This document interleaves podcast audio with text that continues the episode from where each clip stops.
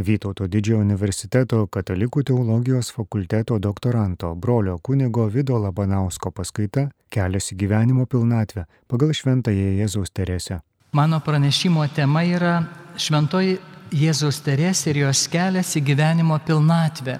Aš rašiau licenciatūros darbą apie šventąją dvasę Teresės gyvenime, nes jinai niekada labai daug nekalbėjo apie šventąją dvasę. Kai atvažiavau į Lietuvą, norėjau tęsti tą darbą, bet galvoju iš kitos pusės. Ne, tai neieškosiu šventosios dvasios, bet kaip pati Teresė atsakė į tą šventąją dvasę, ką jin darė kaip žmogus, daugiau tokio antropologinių požiūrių. Ir todėl pavadinau tą kelias į gyvenimo pilnatvę pagal šventąją Jėzaus Teresę. Viena dėstytoja man sako, o nebūtų geriau, sako, šventoji Jėzaus Teresės kelias į gyvenimo pilnatę, sako, būtų gražiau pavadinimas.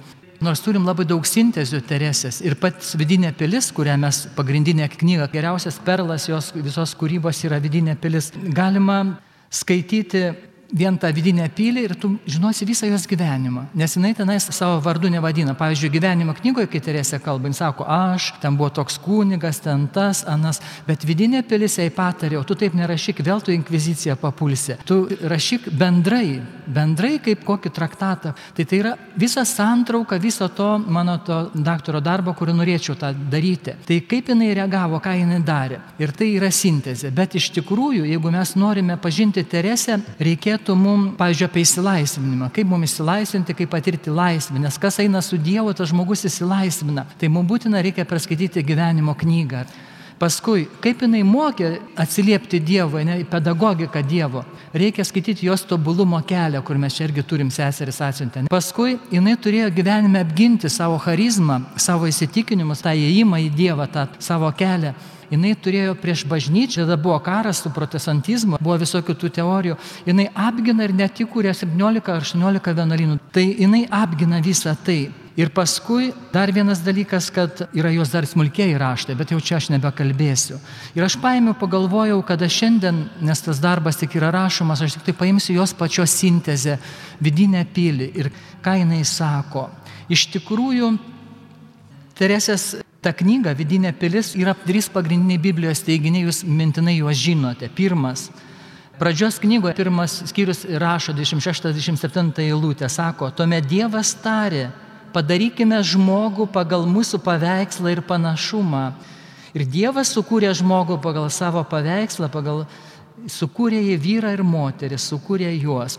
Tai šita vieta, galima sakyti, yra gimė visa ta pilies struktūra, kur mes turime. Gal kai kurie net nežino, gal yra tie, kurie atvažiavo, kad pilis, kai yra pagrindinis e, jos kūrinys, kur jinai sako, kad kiekvienas žmogus yra kaip ta pilis, ne? Ir toje pilyje, viduje mūsų yra daug tų kambarių ir pačiame giliausiame kambaryje, kas yra, yra pats Dievas giliausioje gelmėje gyvena. Ir kad žmogus keliauja, neturi keliauti kažkur į išorę, kaip Šventas Augustinas sako, ieškojau Dievę tave išorėje, bet atradau savyje, bet turi eiti į save. Tai ta esmė tos knygos yra. Kitas pagrindas yra, kad mes esam Dievo buveinė. Iš tikrųjų, Štai ką rašo pirmose buveinėse, sako Teresė. Siela nuo Dievo skiriasi tiek, kiek skiriasi kūrinys nuo kurėjo. O jie yra kūrinys, kad bent kiek suprastume jos kilnumą bei grožį. Pakaks jo didenybės žodžio, kad ją sukūrė pagal savo paveikslą. Ir kitas Biblijos teiginys jos knygoje vidinėje pilėje yra tas, kad Dievas, jisai yra komunikacinis Dievas, apsireiškia. Dievas, kuris taip apsireiškia. Ir Dievas nėra kažkoks tolimas, jis nori draugauti, draugauja su žmogumi. Ir Dievui yra žmogus irgi kaip centras. Žmogui yra centras Dievas, o Dievui yra centras. Tai tiesiog skamba labai keistai. Bet iš tikrųjų taip Dievas myli ir nori žmogui apsireikšti.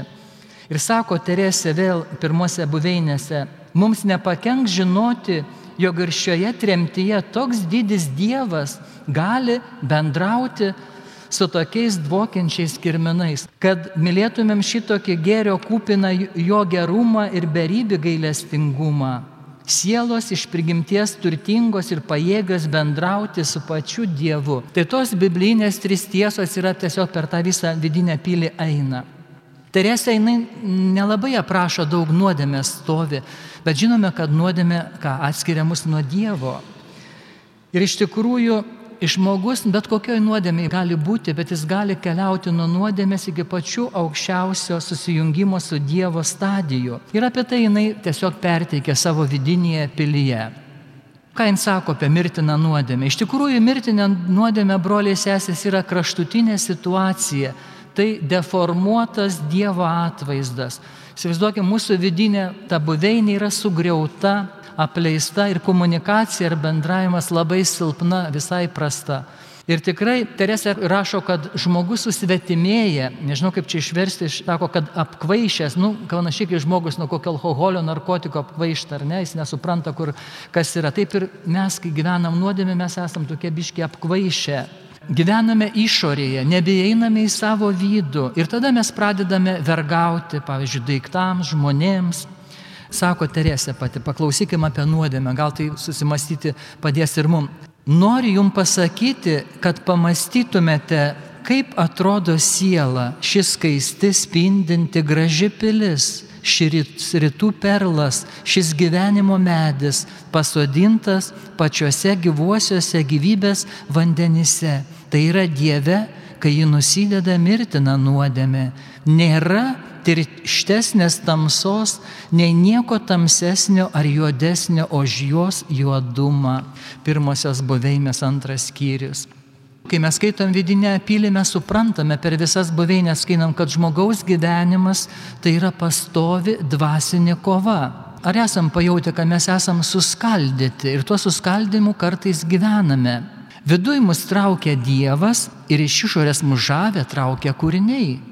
Taigi, kaip Paulius sakė, dvasiškas ir kūniškas žmogaus Pauliaus žodžiais. Gal, kartais galvojame, kad va nuodėme palikome, jau nebedarome ir jau nuodėmė mums nebegrėsia. Ne, Teresė sako, kad nuodėmė yra pastovus pavojus, kol mes gyvename šioje žemėje. Jinai neprašo nuodėmės, nes Teresė tai tikėjimo tiesa. Mes žinom pagal tikėjimo teologiją, ne? Mes esam nusidėjėliai.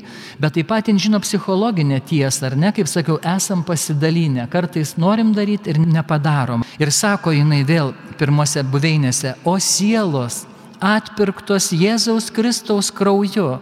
Susipraskite, kas esate ir pasigailėkite savęs Ar gali būti, kad tai suvokiusios jūs nesistengiate nuvalyti deguto nuo šio kryštalo?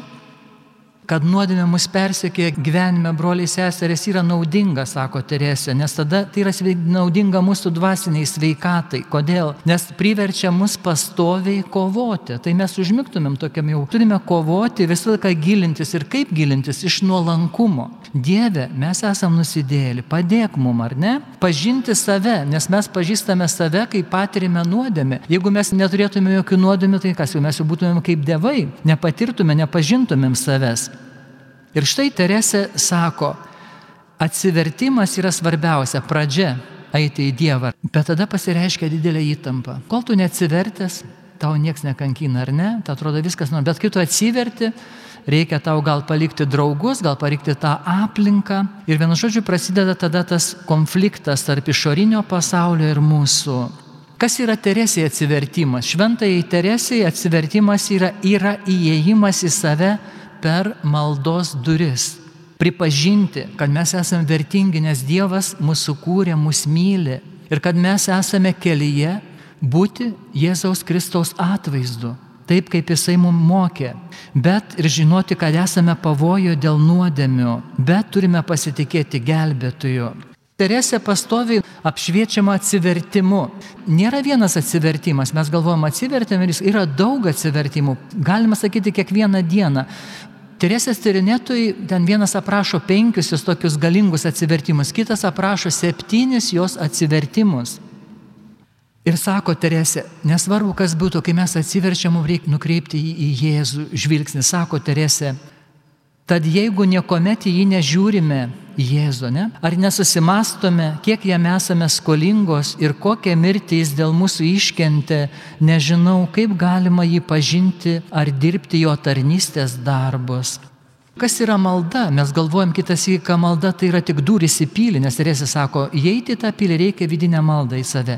Ne, bet malda yra kelias. Mes turime melstis ir jėga, kuri mums duoda jėgų ir kurias veda į tą centrą, kur gyvena Dievas. Ir malda taip pat yra Dievo pažinimas. Mes pažįstam save, pažįstame Dievą. Ir iš tikrųjų, kas yra pirmusias buveinės? Tai yra dialogas. Mes pastoviai maldaujam Dievo ir prašom laisvės. Užtat jos gyvenimo knyga yra tiesiog laisvės įsilaisvinimo patirtis. Meldžiam Dievo, mergelės Marijos ir šventųjų įsilaisvinti. Antrųjų buveinių dialogas yra taip pat kaip sąžinės ir sąmonės jutiminis atskleidimas. Mes antrose buveinėse pradedam galvoti apie savo buvusi gyvenimą, mums primena mūsų nuodėmės ar ne, sąžinės sąmonės toks jutiminis atskleidimas. Toj antroji buveiniai mums labai padeda mokymas, kas? Bažnyčios mokymas, geri draugai, Kristaus pavyzdys, kurį turime prisiminti, ir gyvenimas, kurį jau laikomės naujo gyvenimo kurso prasideda sunkumai trečiose buveinėse. Trečiųjų buveinių malda reikalauja dėmesio Dievui, kai patenkam į sunkumus ir išbandymus. Mes, kai atsiverčiam, tiesiog būnam labai laimingi, viskas gerai, bet ateina sunkumai ir Dievas leidžia tiems sunkumams, ar mes išlaikysim tas trečias buveinės. Ir todėl nori atskirti, kaip sakoma, kas yra dvasiška, kas ne žmogui ar ne, mums padeda. Toliau, Jeigu mes nežinom Dievo minčių, Teresė sako, malda atskleidžia Dievo planus ir įpareigoja vykdyti jo valią. Jeigu aš melžiuosi, man išriškėja, ką aš turiu daryti, koks yra Dievo valia, ne mano. Kokios dabar yra tos įsilaisvinimo atsinaunimo jėgos vidinėje pilyje. Žmogus pradeda tikrą įsilaisvinimo, atsinaujinimo kelią, kaip sakiau, atsivertimas. Paskiau reikalauja evangelinių laikysenų. Mes žinom visą evangeliją, ne kokios laikysenos - nuolankumo ir nusižeminimo. Tiesiog tiesos kelias, jeigu aš jūs tiesus pripažįstu, puikybės pilnas, ne, nenusižeminu, turiu pripažinti. Antras - stiprybės tvirtumo. Arba Teresė sako, ryštingas ryštingumas, nebesviruoti. Kas be būtų, koks pavojus mano gyvenime, sunkumas, aš nepasiduosiu, eisiu tuo keliu, Dieve man padėk. Ir aišku, tai trečiose buveinėse pasirodo tie kryžiai jau. Nes perspektyvoje tas kryžius gali būti ir didesnis, bet mes krikščionys negalime be kryžiaus. Toliau atsižadėjimo. Tai yra jis mum išlaisvina. Jeigu tu atsižadi, kaip kryžiaus Jonas sako, visko tu gauni viską. Toliau meilė ir gailastingumas. Tai darybė, kuri susumuoja krikščioniško gyvenimo reikalavimus. Na ir tas kelias vidinėje pilėje yra tokie momentai, kad yra trys etapai ir bažnyčios tėvai irgi sako, kad yra tokie trys etapai ir Teresė prie to sako, tai yra vienas apvalomasis arba purifikacinis, kur Dievas mums nori apvalyti, nes mes negalime susivienyti su Dievu tokie, kokie esam su nuodėme neapvalyti. Todėl po to eina apšvietos arba nušvitimo tas etapas, nes kai tu apsivalai, atsisakai nuodėmės, tau Dievas atveria visai kitokį supratimą, tave apšviečia. Ir tada po to antro etapo apšvietimo tada susivienimo susitikimo su Dievu etapas. Tuose pirmosiose buveinės iki trečioj vyksta tas apsivalymo etapas. Ir toliau suteikia Dievas tokią malonę išlaisvinimo, bet dar tokio pakilimo, ispanišką dilatadorą, kad išplečia mūsų širdį, tiesiog mum pakelia, mes pradedame matyti daug daugiau negu iki tol. Ir ta malonė mum ruošia susivienyti su Dievu. Taigi, jeigu taip trumpai pasakyti tas visas buveinės iki penktos, pirmas, pirma buveinė atsivertimas mūsų. Antra buveinė, galima sakyti, kova ir tvirtumas, mes įsilaikom tam atsivertime. Trečia buveinė labai pavojinga broliai sesės, tai yra stabilizacija ir, ir išbandymas. Gali būti, kad mes bažnyčio ar dvasiniam kelyje daėjom, priejom kitos vietos, sakom, nu man jau pakaks, jau čia jau yra vienuoliams ir taip mums palieka toj trečioji buveinė visą laiką toj būsenoje. Toliau yra malonė ir džiaugsmas. Tai jau tada Dievas įlėja kontempliacinės malonės ketvirtoj buveiniai. Mes patiriam tą malonę ir džiaugsmą, kitas iki net maldoja ar tiesiog kažkaip ketvirtos buveinės. Ir penkta buveinė yra susivienimas. Šventoji Teresė Vilietė savo raštuose rašo, kad penktoji buveinė yra visi karmelitai, visi jūs broliai sesės, kurie esate čia, turėtumėte karmelitai būti. Nesako, mūsų vienuolynas arba visi karmelė, visi yra penktoji. Mes jau visi esam atsivertę, ne tą pirmą atsivertimą, bet jau tą tokį gilesnį susitikimą su Dievu patyrė. Tada jau tos penktosios buveinės. Iki penktos buveinės Dievas veikia ir žmogus bendradarbiauja su juo, bet penktoji buveinė įvyksta lūžis. Mes jau nieko nebedarom ir pradeda veikti po truputį Dievas. Ir daugiausia Dievas veikia šeštosiose buveinėse, kaip pamatysime. Jūs galvosit, nu mano tema kelias į gyvenimo pilnatvę, o kada jis prasideda? Kada mes pasikrikštėjom? Tas daigas į gyvenimo pilnatvę yra pasėjimas per krikštą. Bet aišku, jeigu mes maži pakrikštė, mes ten nedarom tų žingsnių, netaip auga. Jis auga, kai jau mes sąmoningai Dievą priemame. Ir kad tas daigas auktų, broliai sesės, reikia Dievo žodžio laikytis. Ir taip pat to krikščioniško atsivertimo. Dabar kaip Teresė pateikia naująjį tą žmogų, tą idealaus krikščionio paveikslą. Sakiau, kad penktose buveinėse aprašo Teresė atsinaujinusi tą krikščionį. Kokie yra jo bruožai, Ir visą tai galite penktose buveinėse paskaityti. Aš labai trumpai išvardysiu. Pirmiausia, naujas žmogus labai stipri Dievo patirtis. Kažkada yra atsitikę, labai Dievas mums palietęs. Sako jinai Teresė. Bet Dievas taip įsispaudžia tos sielos viduje, jog sugrįžusi į save, jie niekaip negali suabejoti, kad buvo Dieve ir Dievas joje. Toliau, naujas žmogus besąlyginis visiškas atsidavimas Dievui. Ir vėl rašo Teresė tokia siela jau atsiduoda į jo rankas ir didžiulė meilė yra ją taip įveikusi, kad jie nieko daugiau nežino ir nenori, tik kad Dievas elgtųsi su ją kaip panorėjęs. Toliau Teresė sako, kad bus vidinio atsinaujinimo patyrimas, mes jaučiat, kažkas mūsų viduje įvyksta. Jis sako, Jinai naudojasi kolosiečių laiško trečių skyrių, trečią, ketvirtą eilutę, sako Teresė, jūs juk esate mirę ir jūsų gyvenimas su Kristumi yra paslėptas Dieve. Kai apsireikš Kristus mūsų gyvastis, tuomet su juo ir jūs pasirodysite šlovingi. Ir sako jinai, viešpats padeda ir kaip perkeičia sielą, kad jie atrodo esanti visai kita ir nepanaši į save. Toliau tą naują žmogų penktose buveinėse užlėja naujo džiaugsmingų pokyčių virtinė. Tai yra vidinė laisvė ir emocinis brandumas. Toliau žmogus nukreiptas tiesiai į centrą, į Dievą, teocentrinę orientaciją. Vizija visai kitokia, tada jau rūpinasi bažnyčios reikalais, apaštalinė vizija ir svarbiausia, kad laiko visus, ar priešus, ar rusus, ar lietuvius, ar lenkus, bet ką, laiko visus Dievo vaikais, broliais ir vaikais, Dievo vaikais. Toliau atsiranda labai didelis troškimas tarnauti bažnyčiai, kaip apaštalai tarnavo. Ir Teresė patyrė eskatologinę įtampą, eskatologinę, kad norisi greičiau, kad ateitų laikų pabaiga, ar net man asmeniškai arba pasauliu, tiesiog siekis susitikti greičiau Dievą, kaip pirmieji krikščioniai sakė, maranatar, ne, Jėzau ateik. Toliau pas tą naują žmogų yra labai stabilus įsitvirtinimas Dievo valėje. Jau nebėra taip, šiandien taip, o kitą savaitę taip. Pabūsiu čia konferencijoje, parvažiuosiu į pasaulį, vėl pasinersiu į savo. Ne. Jeigu tu esi su viešpačiu, jau pas tave tu jau nebegali to daryti, tiesiog tave ne nebetraukia. Stabilus įsitvirtinimas Dievo valioje, kuri yra meilė. Da daug čia reikėtų tų bruožų sakyti, aš tik tai pagrindinius pasakysiu, taupant laiką. Toliau žmogus tiesiog yra kūrybingas, yra ištikimas Dievui ir tiesiog pastovi, jau minėjau.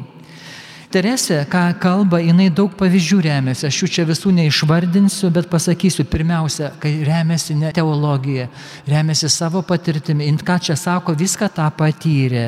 Ir sako jinai, kai rašo gyvenio knygą, sako, tai nauja knyga, teisingiau tariant, naujas gyvenimas. Anas, kurį pirmą aprašiau, buvo mano pačios gyvenimas, o šitas, kurį gyvenu nuo to laiko, yra Dievo gyvenimas manyje neminėsiu, bet jinai remiasi daug kur Evangelija. Įsivaizduokit, tais laikais neturėjo, lotiniškai viskas buvo, bet jinai daug kur Pauliaus tekstus paminė. Krikšto simboliais remiasi. Pavyzdžiui, penktose buveinėse šilkaverpio vikšras. Žinome, kaip šilkas, ne gaminasi, ne, kad tas vikšras turi numirti, ar ne, ir iš jo atsiranda drugelis. Senasis žmogus tai yra tas kirminas, kur miršta, o tas drugelis, kuris krina, tai yra tas naujasis žmogus, atgimęs, atsivertęs žmogus. Toliau jin tą tokį irgi anspaudą simbolį panaudoja kaip vaške anspaudas. Kai Dievas ateina, mes pajuntam, kad kažkas mūsų įvyksta, tiesiog kaip vaškas yra su anspaudu įspaudžiamas, lieka mumise žymė. Tai irgi bažnyčios tėvų toks simbolis. Toliau, žinokit, nebuvo 16 amžiuje psichologijos, nei vadovėlių, nieko. Teresė yra pati žymiausia psichologė savo amžiuje. Jis viską aprašė, kas vyksta jos psichėje, sieloje su Dievu. Ir štai ką, jin pasižymėjo psichologiniu brandumu. Kokie dabar tie terminais. Galima visą kelią į Dievą apibūdinti psichologiniais terminais 16 amžiuje pastovumą savo idealo siekime. Ką užsibrėžiai gyvenime, to ir siekia, ne jau tas žmogus atsivertęs. Laisvė prieš išorinius sunkumus ir saligotumus. Kai parašė tą knygą, buvo baisu, uždaryta vos nei Toledo kalėjimą tam vienuolinė.